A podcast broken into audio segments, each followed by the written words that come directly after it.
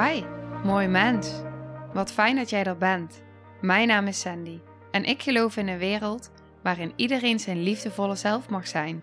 In deze podcast praten we openlijk over alle struggles die je tegenkomt op het moment dat je tegen jezelf aanloopt. Vanuit mijn kennis en ervaring deel ik levenslessen en geef ik je inspiratie hoe jij vanuit pijn en angst weer voor liefde en vertrouwen kunt kiezen, zodat jij, dwars door het donker, de weg terug kunt vinden naar het licht in jezelf. Welkom bij de Liefdevolle Strijder Podcast.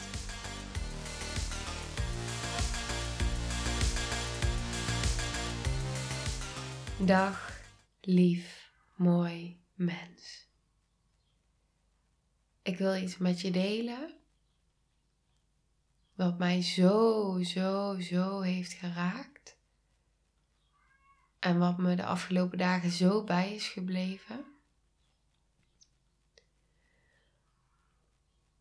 En ik weet niet of ik er echte woorden voor kan vinden, maar ik ga mijn best doen. Ik ga je meenemen in het moment waarin ik geraakt werd en nou, wat ik zo graag met je wil delen. Deze aflevering is voor degene die heel graag papa had willen zijn, mama had willen zijn. En misschien wel papa of mama is van een paar, één of meer zieltjes in de sterren. Sterrenkindjes. Dus ergens wel energetisch en in liefde, verbinding, papa en mama zijn, maar niet fysiek op deze aarde. Misschien omdat het nooit is gelukt om een kindje te krijgen. Of misschien omdat het inderdaad niet voldragen geboren kon worden.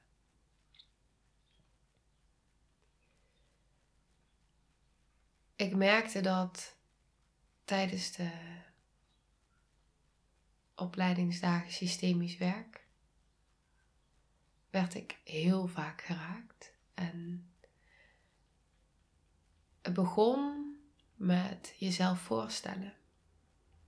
Ik ben je naam, kind van en vervolgens ook moeder van. En daarin zei ik dus: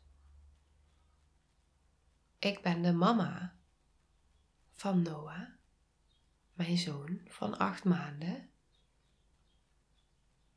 en van het zieltje sterren. En ik merk ook, en die wil ik ook even benoemen. Ik merk vaak, vaak vragen mensen aan mij, sinds Noah in mijn buik zat, maar ook sinds die geboren werd, is dit je eerste? En heel vaak zeg ik dan: Nee, dit is wel mijn eerste voldragen kindje, maar niet mijn eerste. En ergens voelt dat apart, omdat ik voel van ik wil helemaal geen medelijden. Want dat is helemaal niet nodig, want zo voel ik het helemaal niet, want ik heb een prachtige verbinding met sterren. Ik voel haar en ze hoort bij ons. Maar dat is het, ze hoort bij ons. En als je systemisch kijkt, een zieltje hoort er systemisch altijd bij. En dat zieltje, wat misschien geen voldragen kindje is geworden, wat niet fysiek in deze wereld rondloopt of heeft gelopen, wil nog steeds erkend en gezien worden. Zo werkt het energetisch. Het kindje, het zieltje hoort erbij. Maar vaak wordt het zieltje of helemaal niet meer benoemd, of vergeten. Maar systemisch werkt het niet zo. Als je een opstelling doet en daar is een zieltje geweest, wat in dat gezin hoort of in die familie, die komt in de opstelling naar voren.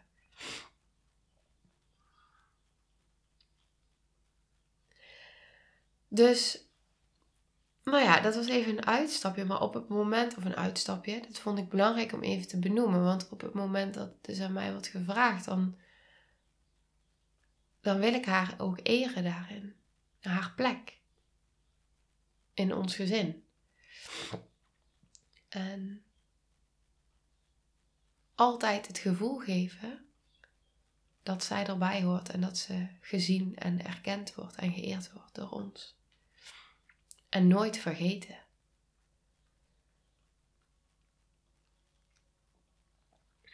Wat mij raakte in de opleiding. Oké, nog één ding wat ik daarover wil zeggen. Ik merk soms wel als dan, hè, als ik uh, in de winkel bijvoorbeeld bewijs van iemand tegenkom en ik loop met Noah en ik krijg een gesprek met diegene en die vraagt het dan, dat ik dan wel af en toe denk van ja, nee, nu, uh, nu wil ik gewoon ja antwoorden omdat het makkelijk is. Maar op het moment dat ik dat dan doe, hè, omdat het dan even niet oké voelt om het te benoemen, dan doe ik het in mezelf. Dan geef ik haar in mezelf wel weer die plek. Ja, die wou ik nog even benoemen, want dat is er natuurlijk ook, hè? Ja. Oké. Wat mij heel erg raakte was tijdens die dagen, op een gegeven moment kregen we de vraag van, nou, wie, er, wie, is, er, wie is er mama? En ik stond naast alle mama's die een kindje fysiek in deze wereld hadden, op een rij. En tegenover mij stonden de mama's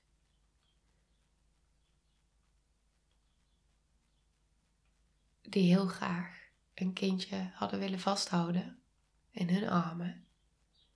En dat willen voelen hoe het is om mama te zijn. Zo, raakt me. Maar dat nooit hebben kunnen ervaren. En wat dat allemaal aan rouw ook, maar ook aan processen in jezelf raakt en blijft raken. Maar ik voelde dus op het moment dat ik daar dus stond. En het is zo dat het leven je dus geen kinderen heeft kunnen geven, niet fysiek althans. En je hebt iedere keer die processen doorgemaakt. Het proces van heel graag een kindje willen, daarna verlangen, dat het niet lukt. Of misschien zelfs dat je het kindje verliest en dat er een proces van rouw is. En misschien weer en weer. Ik merkte dat ik daar stond en dat, dat ik op de eerste plaats, en daarom deel ik hem hier. Ik voelde zoveel liefde voor al die vrouwen die daar tegenover mij stonden. En zoveel compassie. En wij zijn energie. Wij zijn één. Wij zijn verbonden. En ik voel gewoon, en ik wist niet waarom ik deze aflevering wilde opnemen. Maar ik voelde gewoon, nou ja, dat weet ik wel, dat als je het hebt over je intuïtie, mijn intuïtie zei: neem deze aflevering op. Ga hier Ga hier iets over delen. Geen idee wat, maar ga hier iets over delen. Zonder nadenken. Maar ga instinctief durven volgen dat je hier iets over mag delen. Dus dankjewel intuïtie. Ik voel gewoon dat ik de liefde naar wil sturen. Ik wil liefde naar jou sturen. Als jij hierin herkent of misschien iemand kent die zich hierin herkent en je wil dat diegene dit hoort of voelt. Misschien is dat alles. Dat er woorden aangegeven mogen worden. En dat er erkenning aangegeven wordt. En dat ik voelde zo sterk toen ik tegenover die vrouwen stond en naar hun keek.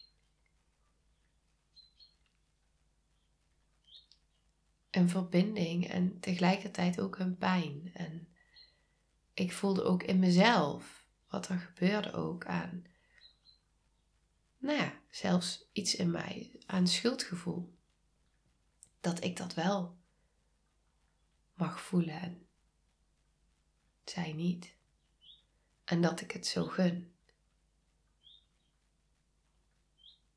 En dat je daar dan zo staat met elkaar. En dat je naar elkaar kijkt. En dat je die compassie voor elkaar mag voelen en dat het gezien mag worden met het verdriet wat erbij hoort en de pijn die erbij hoort en alles wat het in iedereen raakt die daar in die ruimte is. Dat? Dat is zo mooi. Ja, dat, dat, dat, is, dat was zo diep of zo. En ik, het enige wat ik voelde was: ik zie jou.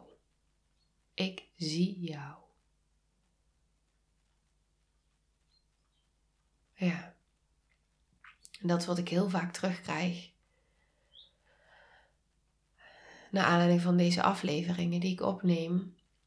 Dat, dat ik berichtjes krijg van mensen. Ik voel me zo gezien. Door jou.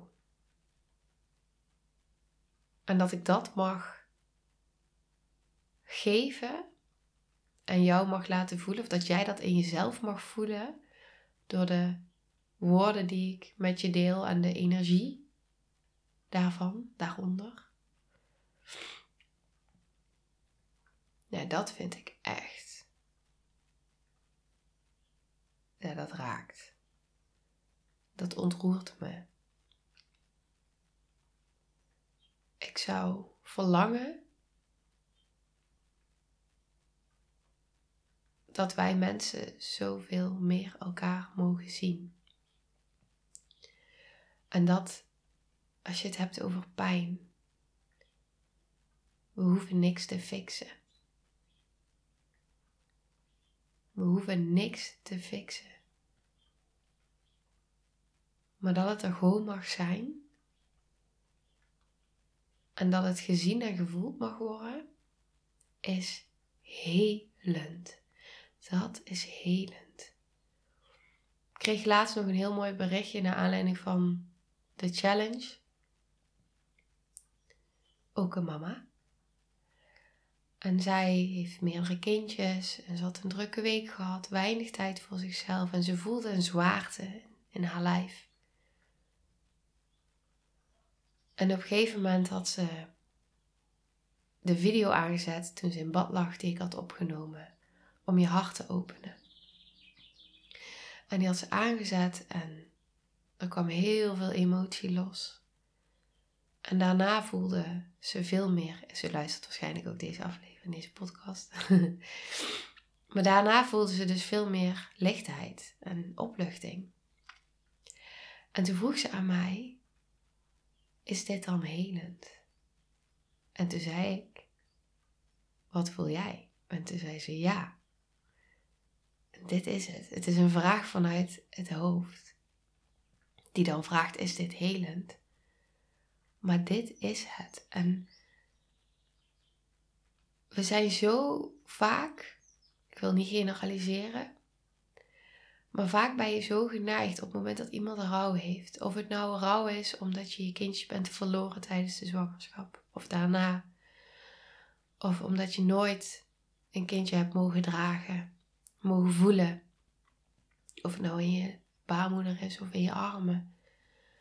Of dat je iemand anders bent verloren, een partner. Iemand waar je heel veel van houdt. Dan zijn we vaak zo geneigd om of die ander te willen fixen, om het te willen op te lossen, de ander de pijn te willen ontnemen vanuit liefde. Of we projecteren onze, ja, hoe wij naar kijken daarop. Maar als we dat nou allemaal gewoon eens niet doen. Als we niks hoeven fixen, niks hoeven op te lossen, niks hoeven te vinden of te denken daarover. Maar als we er gewoon eens mee mogen zijn en dan samen naar kijken, naar elkaar kijken, pijn welkom heten, toestaan.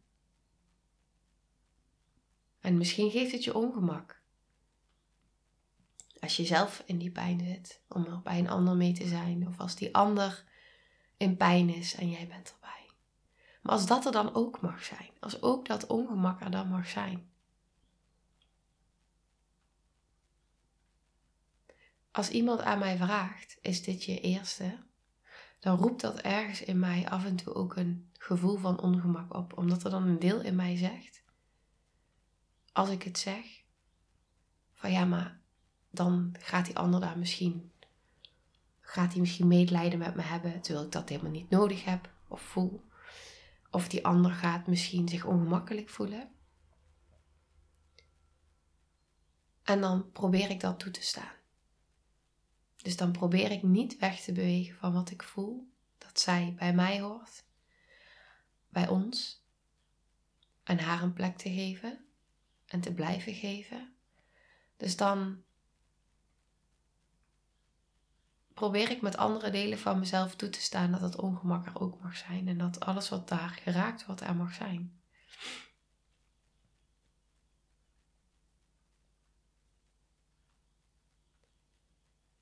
Hoe anders zou de wereld eruit zien? En hoe anders zou de wereld voelen? Hoeveel veiliger zou de wereld voelen? Als je niet op het moment dat je een afspraak hebt, je tranen weg hoeft te vegen, een lach op hoeft te zetten en doorgaat. Maar als je gewoon met uitgelopen make-up, als je die draagt, verfrommelde kleren omdat je in elkaar gedoken hebt gezeten, de ander in de ogen aan mag kijken. Of misschien niet eens in de ogen, omdat het misschien nog te kwetsbaar voelt. En dat die ander gewoon naast je zit. Om er mee te zijn.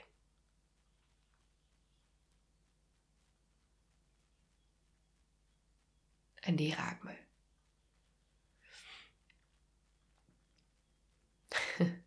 Ik moet denken aan wat Sam altijd zegt, mijn docent. Je wordt betaald voor de kwaliteit van je zijn. In therapie dan, hè? maar dat is wel waar het over gaat. Ja. Dit is waar het over gaat. We hoeven niet, ik hoef niet jou te fixen. Ik hoef niet de ander te fixen. Maar op het moment dat iemand bij mij binnenkomt, de ruimte inkomt, dan ben ik er en dan blijf ik. En dan heet ik alles welkom.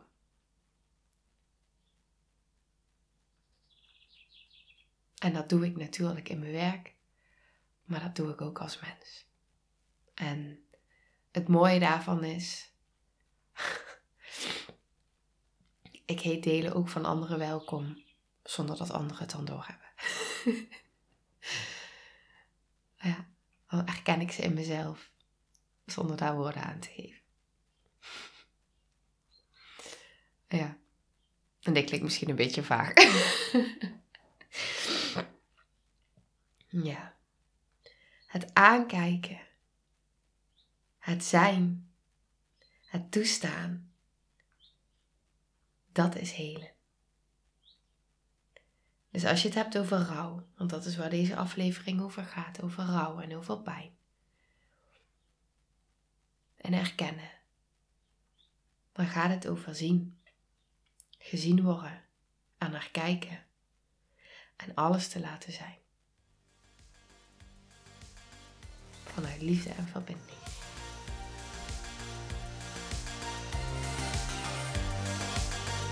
Nou, lieve mensen, ontzettend bedankt voor het luisteren. Ik ben heel benieuwd wat je van de aflevering vond en welk inzicht je eruit hebt gehaald. Mocht je nog vragen hebben of is er een onderwerp waar je meer over wilt weten, laat het me dan weten. En wie weet neem ik het mee in een van de volgende afleveringen. Als je het leuk vindt, kun je de aflevering delen. Of maak een screenshot en tag me op Instagram. Want ik vind het echt super tof om te zien wie er luistert. De link van mijn Instagram staat in de beschrijving bij de podcast. En wil je blijvend geïnspireerd worden? Klik dan op abonneer of volgen in de podcast-app waarmee je luistert. Dat zouden ik en alle toekomstige luisteraars enorm waarderen. Want dat zorgt er namelijk voor dat de podcast beter gevonden wordt. Nogmaals, dankjewel voor het luisteren en heel graag tot de volgende aflevering.